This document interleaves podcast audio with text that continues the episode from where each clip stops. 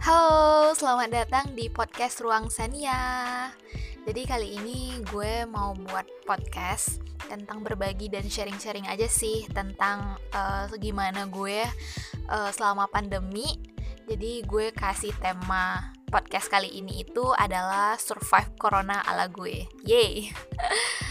anyway guys, beberapa hari yang lalu ini uh, gue baru siap uh, ngerjain proposal gue dan baru selesai ujiannya jadi alhamdulillah semuanya lancar. Jadi selama pandemi ini beberapa bulan ke belakang ini gue uh, lagi sibuk-sibuknya ngerjain penelitian. Habis itu gue juga ada beberapa tentang ngerjain project-project kecil gue sih sama teman-teman.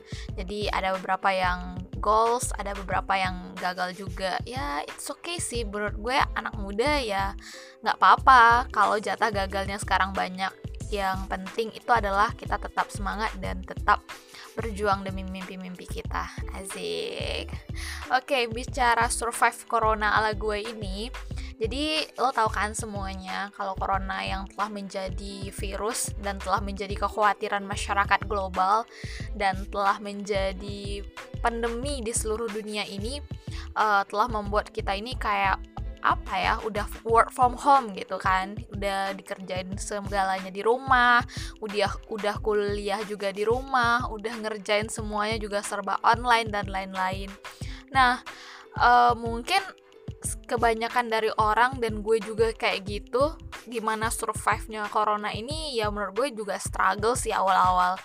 Uh, mungkin lo tahu gitu kan anak-anak misalnya anak ekstrovert atau anak yang kayak gue lah misalnya uh, kampus itu bagi gue bukan hanya untuk kita menuntut uh, perkuliahan gitu tapi di sana juga proses belajar proses pendewasaan dan lain-lain. Gue juga termasuk anak yang ikut organisasi anak yang suka juga rapat dan kadang-kadang juga udah pulang malam ngurus sana sini gitu kan.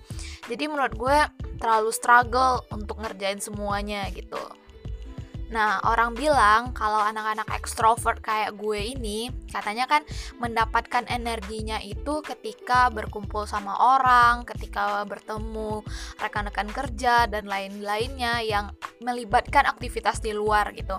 Nah, tiba-tiba nih corona datang e, di bulan pertama gue struggle banget sih. Bahkan teman-teman gue yang punya uh, sifat dominan ekstrovertnya lebih daripada introvert itu kayaknya lebih gimana ya lebih struggle juga menghadapinya. Bahkan gue dengar ada yang sampai masuk rumah sakit ada bahkan yang bisa depresi karena nggak bisa menyalurkan dan mencari energinya dari luar gitu. Karena harus di apa ya harus dikungkung di rumah deh gitu. Harus ngerjain segala sesuatunya tuh di rumah dan lain-lain kayak gitu sama gue juga. Bahkan awal-awal pandemi dulu gitu ya gue pandemi itu uh, awal-awalnya itu kan kuliah di rumah kan gitu kan. Gue juga bingung gitu. Ini project juga ada di gimana-gimana terus uh, project gue dan kuliah gue juga harus di rumah gitu. Sedangkan menuntut gue harus ke kampus dan lain hal tapi kalau ke kampus gue takut juga kena corona gitu kan. Jadi semuanya struggle gitu. Tapi setelah berjalannya waktu gue ngelihat banyak orang juga kok yang extrovert ataupun introvert juga struggle tapi mereka bisa loh ngelaluinnya gitu bahkan bisa berjuang juga untuk gimana nih uh, survive dengan corona ini sendiri gitu kan Nah, akhirnya setelah corona ini juga berlalu gitu kan, informasi juga makin bertambahnya, banyaknya peny- tambah banyak orang yang terkena virus kayak gitu. Jadi membuat gue juga takut banget untuk keluar gitu. Akhirnya gue emang uh, lebih mentingin untuk ya stay di rumah aja gitu. Jadi pada akhirnya gue juga termasuk orang yang stay at home tapi juga termasuk orang yang akhirnya melek juga tentang teknologi gitu kan. Dulunya gue nggak ngerti uh, pakai Microsoft Team gimana atau rapat-rapat pakai Zoom gimana gitu kan. Jadi sebenarnya corona ini seimbang sih menurut gue. Ada struggle-nya tapi juga ada positifnya juga gitu. Nah tiba-tiba karena corona ini uh, udah kita nuntut kita work from home atau gimana jadi untuk mencari saluran untuk mencari kesibukan lain-lain hal itu kita lebih banyak buka media sosial gitu misalnya YouTube atau Instagram dan lain halnya. Nah ada nih survive. Menurut gue survive corona ala gue ini ada tiga hal yang menurut gue jadi kebanyakan orang atau gengs millennials kayak kita ini itu bisa agak uh, krusial gitu.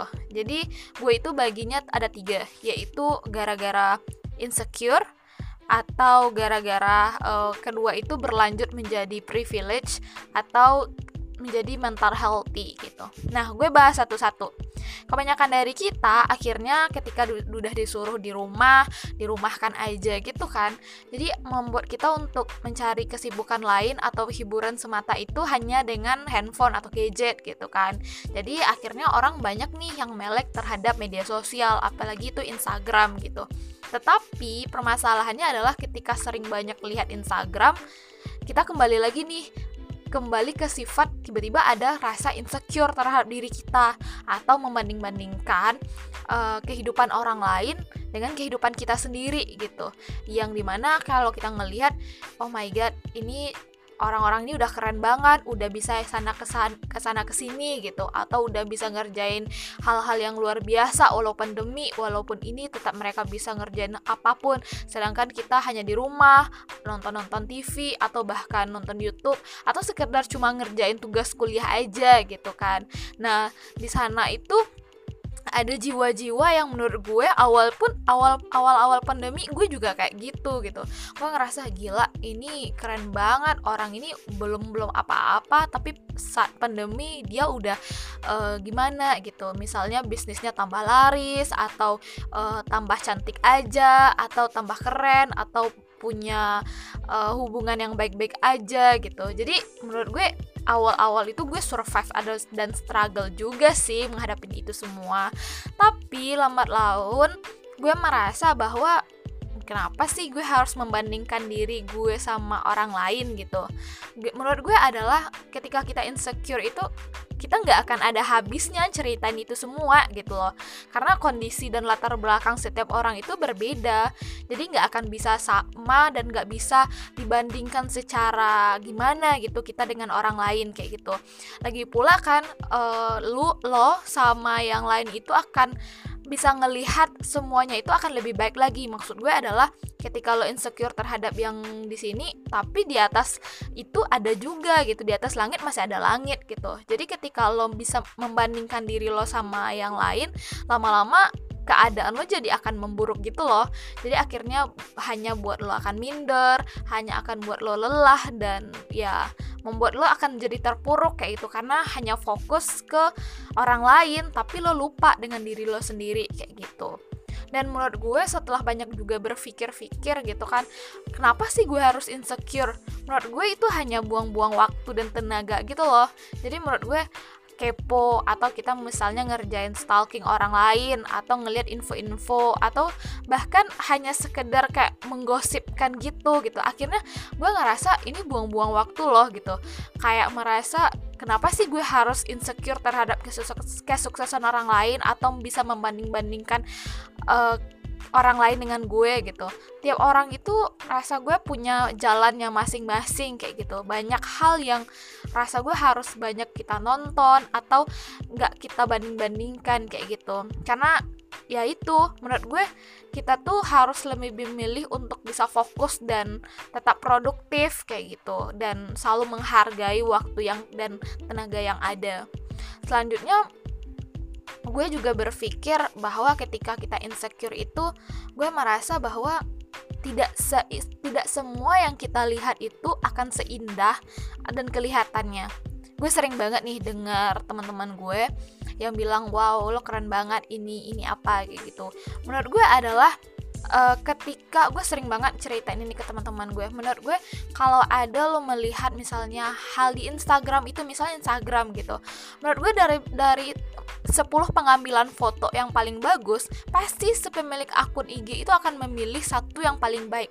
Belum lagi filternya, belum lagi semuanya, belum lagi dipercantik dan lain hal. Jadi yang dilihatkan di Instagram atau media sosial tuh yang baik-baik aja, yang luar biasa aja. Tapi lo nggak tahu gitu kan gimana perjuangannya atau bahkan gagal mereka gimana gimana dalam meng melakukan itu semua. Jadi jadi menurut gue adalah nggak fair untuk kita membandingkan seluruh hidup kita dengan sebagian yang kita lihat dari media sosial gitu. Jadi menurut gue tidak semua yang kita lihat itu akan seindah dan kelihatannya gitu. Menurut gue ada akan ada struggle yang benar-benar luar biasa di dalamnya gitu. Nah selanjutnya adalah ketika lo insecure menurut gue ini ini pendapat gue adalah uh, kamu itu adalah kamu gitu lo adalah lo dan yang gak bisa dibandingin sama orang lain begitu juga orang lain orang lain gak bisa juga membandingkan itu ke diri lo juga gitu jadi menurut gue adalah kita ini masing-masing di dunia ini pasti punya satu atau lebih kelebihan. Kalau lo belum menemukan, ya udah, ayo temukan gitu. Karena gue percaya ketika kita mengeksplor diri kita, terus memperkaya ilmu dan menambah pengalaman, pasti akan ada satu alasan kenapa Tuhan menciptakan kita dan pasti akan selalu ada space untuk kita untuk hidup di sini. Kita punya sesuatu yang sebenarnya orang lain nggak bisa gitu, karena terlalu istimewa dan berharganya kita makanya kita ada di dunia ini gitu. Jadi menurut gue setelah gue struggle dengan uh, corona ini gitu survive ala gue jadi gue ngerasa uh, corona benar-benar membentuk kepribadian seorang manusia itu agak lebih menjadi seorang yang uh, lebih berpikir ulang atau lebih uh, survive terhadap hidupnya sendiri kayak gitu. Misalnya lo berpikiran, oh enak ya umur 25 udah bisnis atau lo berpikiran juga ngelihat orang yang sukses usaha kue terus lo juga ikut-ikutan kayak gitu. Menurut gue adalah semua orang itu punya timeline-nya masing-masing gitu. Kesuksesan orang itu punya masing-masing jalannya gitu. Jadi hanya karena waktunya sama, tidak sama dengan kebanyakan orang lain, bukan berarti lo nggak bisa juga survive dan bahagia di sana gitu. Menurut gue akan semuanya itu akan indah pada waktunya, insyaallah. Gue bisa ngomong, tapi menurut gue karena beropini gue adalah opini gue adalah sebenarnya insecure itu sebenarnya adalah hal yang baik uh, sebenarnya gitu. Karena ketika kita bisa insecure terhadap orang lain berarti kita ada mau untuk juga merubah diri kita gitu. Poinnya adalah menurut gue kita boleh insecure tapi bukan insecure pada hasil tapi kita harus insecure pada proses yang ada gitu. Menurut gue seperti itu gitu Nah, setelah gue ngerasa insecure dan membanding-bandingkan pribadi kita dengan orang lain gitu kan, gue dengar juga nih survive corona ala gue ini adalah selama pandemi ini gue sering banget itu dengar yang namanya privilege. Jadi orang-orang di luar sana sering membanding-bandingkan atau sering mengatakan bahwa ya ya iyalah lo enak uh, lo anak uh, bos atau ya iyalah lo anak orang kaya jadi uh, privilege lo lebih tinggi daripada uh, kita kita yang belum sukses dan lain-lain hal gitu. Tapi konsep di sini lagi-lagi gue bicarain tentang uh, insecure dan privilege ala corona ini adalah menurut gue privilege itu kebanyakan orang ngatain tentang status ekonomi gitu kan. Tapi menurut gue privilege itu sebenarnya banyak hal.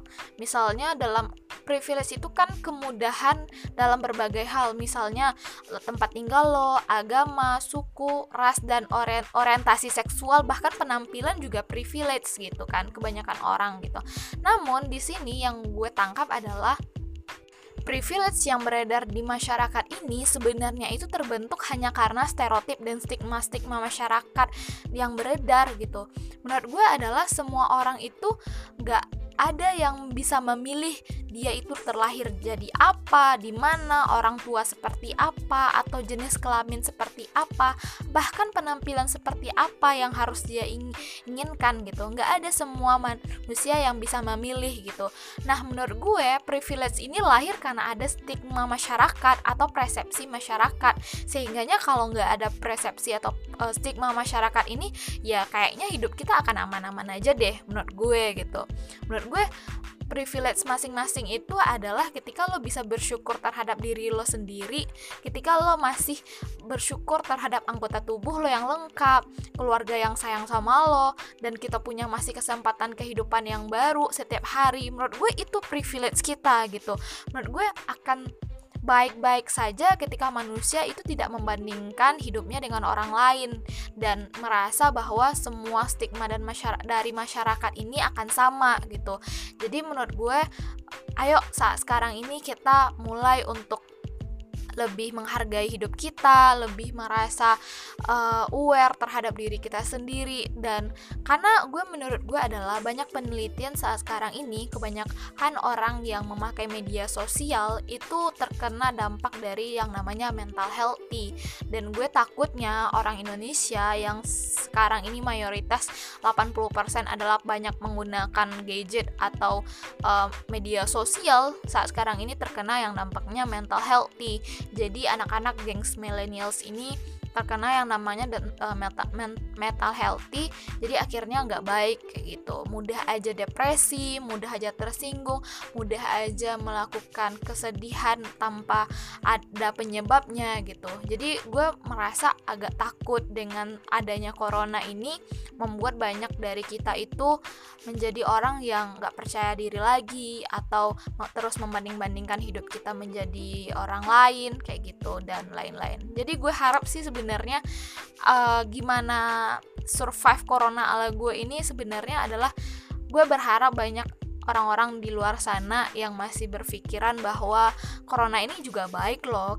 Corona ini bisa mengantarkan kita juga melek terhadap teknologi melek terhadap segala sesuatu yang ada. Bahkan gak hanya berbicara tentang lo insecure terhadap media sosial atau lo mengatakan bahwa uh, kemudahan atau kesuksesan orang lain itu hanya gara-gara privilege yang ada dari dirinya atau men atau gara-gara atau mental healthy orang lain kayak gitu. Menurut gue banyak banget yang sebenarnya bisa kita lakuin selama corona ini. Bahkan gue juga survive. Bahkan gue seorang yang dianggap kebanyakan dari teman-teman gue adalah seorang anak ekstrovert itu harus berjuang juga gitu. Awal-awalnya gue juga merasa kayak e, ini hidup gue gimana selanjutnya? gitu.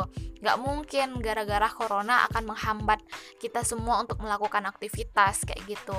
Akhirnya setelah itu gue masih berjuang dan survive dua bulan setelah corona gue masih mencari-cari bagaimana sebenarnya gue bisa survive terhadap diri gue gue harus bisa mengerjakan project-project gue gue juga tetap bisa melakukan organisasi dan harus bisa ngerjain penelitian gue juga gitu. Karena sekarang gue juga udah masuk ke tahun akhir uh, perkuliahan kayak gitu.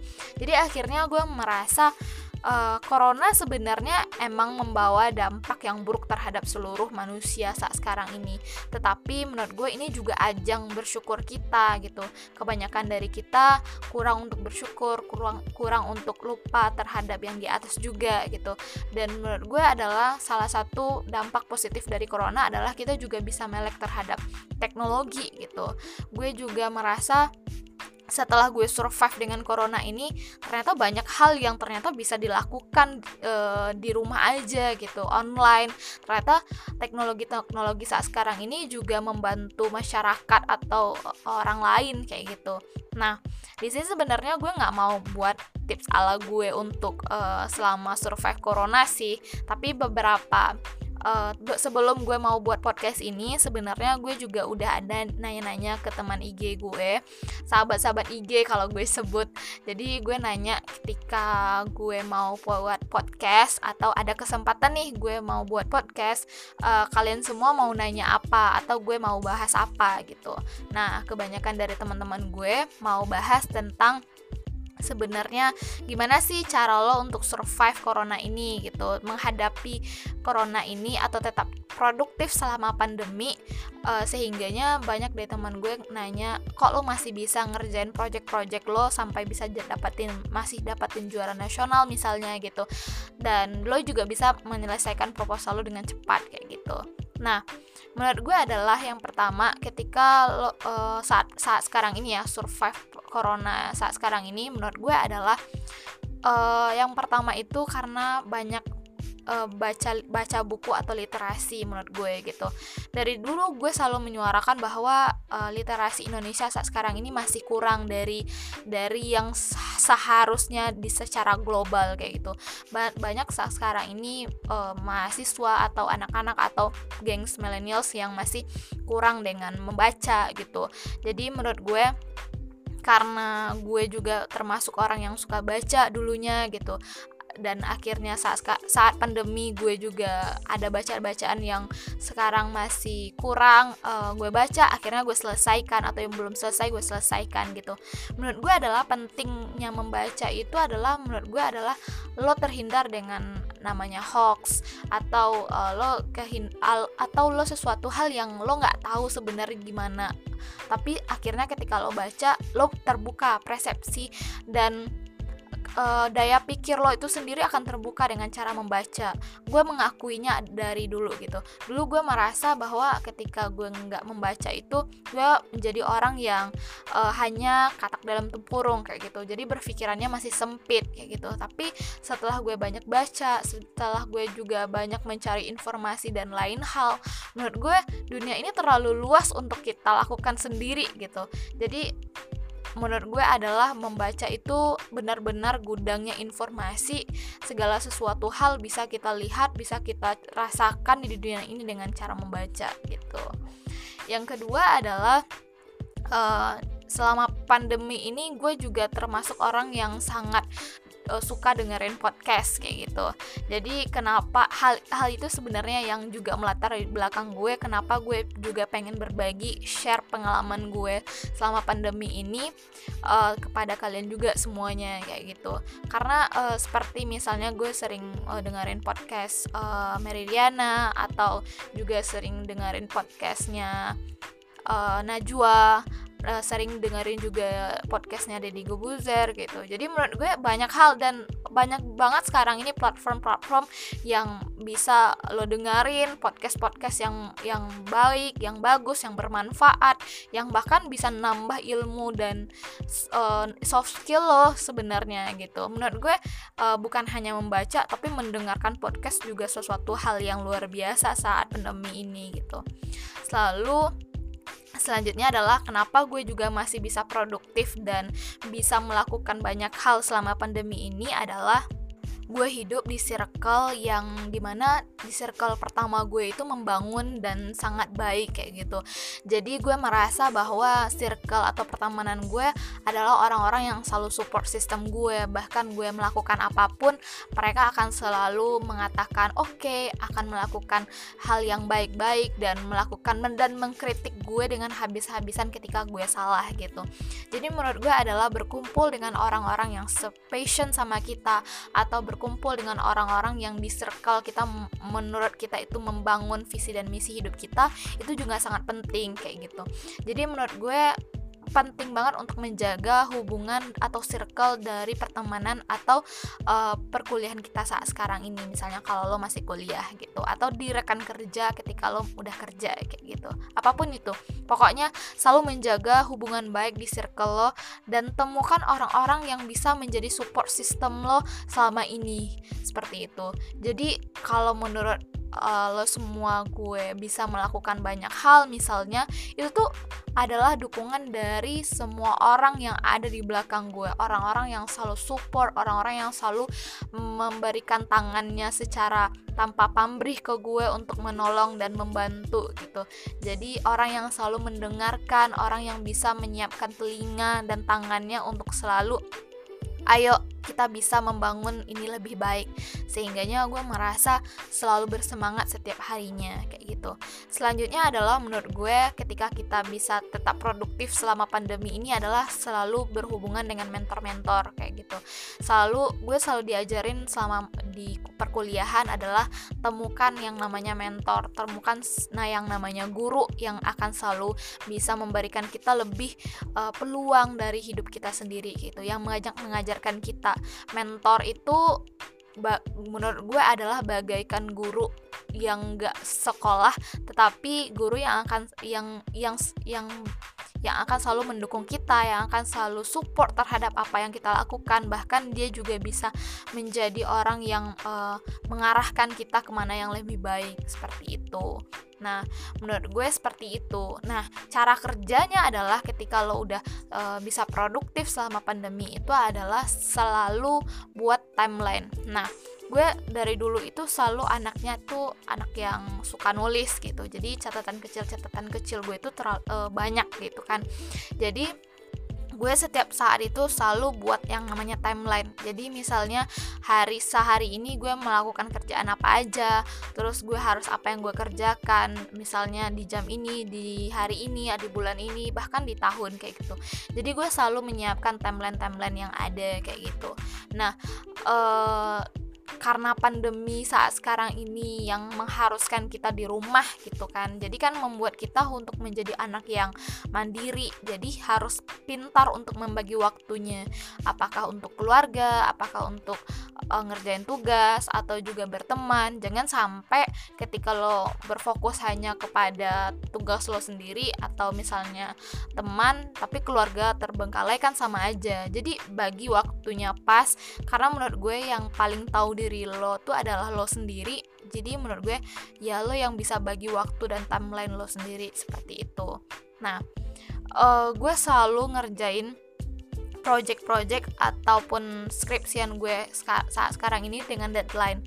Dulu itu gue pernah kalau gue boleh cerita sama pembimbing gue itu gue selalu beliau nggak pernah memberikan deadline kepada gue uh, Sania harus ngerjain ini sampai ini sampai ini uh, tanggal ini. Enggak tapi gue selalu bilang ke penguji gue adalah uh, mohon maaf ibu uh, saya izin memberikan ini di tanggal misalnya di tanggal 10 gitu kan. Izinkan nanti saya memberikan revisian selanjutnya itu di tanggal 10 jadi ketika saya atau ketika lo nggak bisa ngerjain sesuatu itu di tanggal 10 lo akan malu gitu. Karena lo merasa lo udah berjanji sama pembimbing lo tapi lo nggak ngejalanin itu gitu. Dan gue selalu seperti itu sama pembimbing gue. Gue selalu bilang e, mohon maaf ibu saya nanti akan ngerjakan ini revisian ini di tanggal ini dan insya Allah saya akan memberikannya di tanggal ini juga kayak gitu. Jadi menurut gue timeline deadline itu sangat deadline lo sendiri itu sangat penting kayak gitu. Dan yang paling penting adalah lo punya tujuan lo ngerjain itu lo harus tahu tujuan lo apa sih ke depannya. Misalnya di lima tahun ke depan atau di 10 tahun ke depan kenapa lo harus ngerjain ini? Kenapa lo harus banting tulang kerja keras untuk ngerjain ini? Kalau lo nggak punya tujuan atau lo nggak punya passion ke depannya gimana? Jadi uh, semua itu akan sia-sia menurut gue karena lo berjalan seperti nggak ada arahnya gitu. Tapi ketika lo ada arahnya oke okay, gue mau ngerjain tugas ini karena gue pengen tamat habis setelah tamat gue pengen kerja sesuai dengan bidang gue. Jadi gue harus paham betul dengan konsep dan apa yang gue kerjakan saat sekarang ini. Seperti itu sih. Jadi uh, menurut gue mungkin tips yang gue berikan ini atau uh, survive corona ala gue ini sebenarnya banyak orang juga bisa ngerjain. Jadi menurut gue semua orang bisa ngerjain tapi tergantung bagaimana pribadi lo sendiri kayak gitu. Tetap uh, sehat tetap uh, menjaga kesehatan tetap positive thinking selalu uh, berjalan dengan arah yang baik dan terus bersyukur kepada Allah saat sekarang ini karena pandemi ini sebenarnya bukan membawa hal yang uh, memang ada buruknya tetapi di balik semua itu pasti selalu ada hikmah. Jadi bersyukurlah masih bersyukur masih bisa diberi kesehatan masih bisa survive walaupun ya kita tahu pandemi saat sekarang ini memang membuat semua orang susah. Tapi gue yakin uh, lo bisa berjuang mati-matian untuk bisa uh, membangkitkan lagi passion lo memberikan yang terbaik untuk semuanya. Gue yakin banget. Mungkin sekian beropini gue kali ini. Semoga bermanfaat. Semoga apa yang gue sampaikan ini juga memberikan membuka wawasan atau membuka pikiran teman-teman semuanya pendengar-pendengar gue untuk bisa lebih survive corona ini. Semoga corona ini cepat berlalu dan kita bisa ketemu lagi sama teman-teman. Bisa lagi berjuang masing-masing terhadap kesuksesan atau passion kita. Semoga juga bisa berjuang dengan apa yang kita inginkan seperti itu. Jadi gue harap kita bisa survive masing-masing corona. Semangat teman-teman semuanya. Thank you so much udah dengerin podcast gue kali ini. Ini gue harap banyak banget yang bisa dengerin dan gue harap juga banyak bisa share ilmu-ilmu lainnya di kesempatan yang lain Goodbye.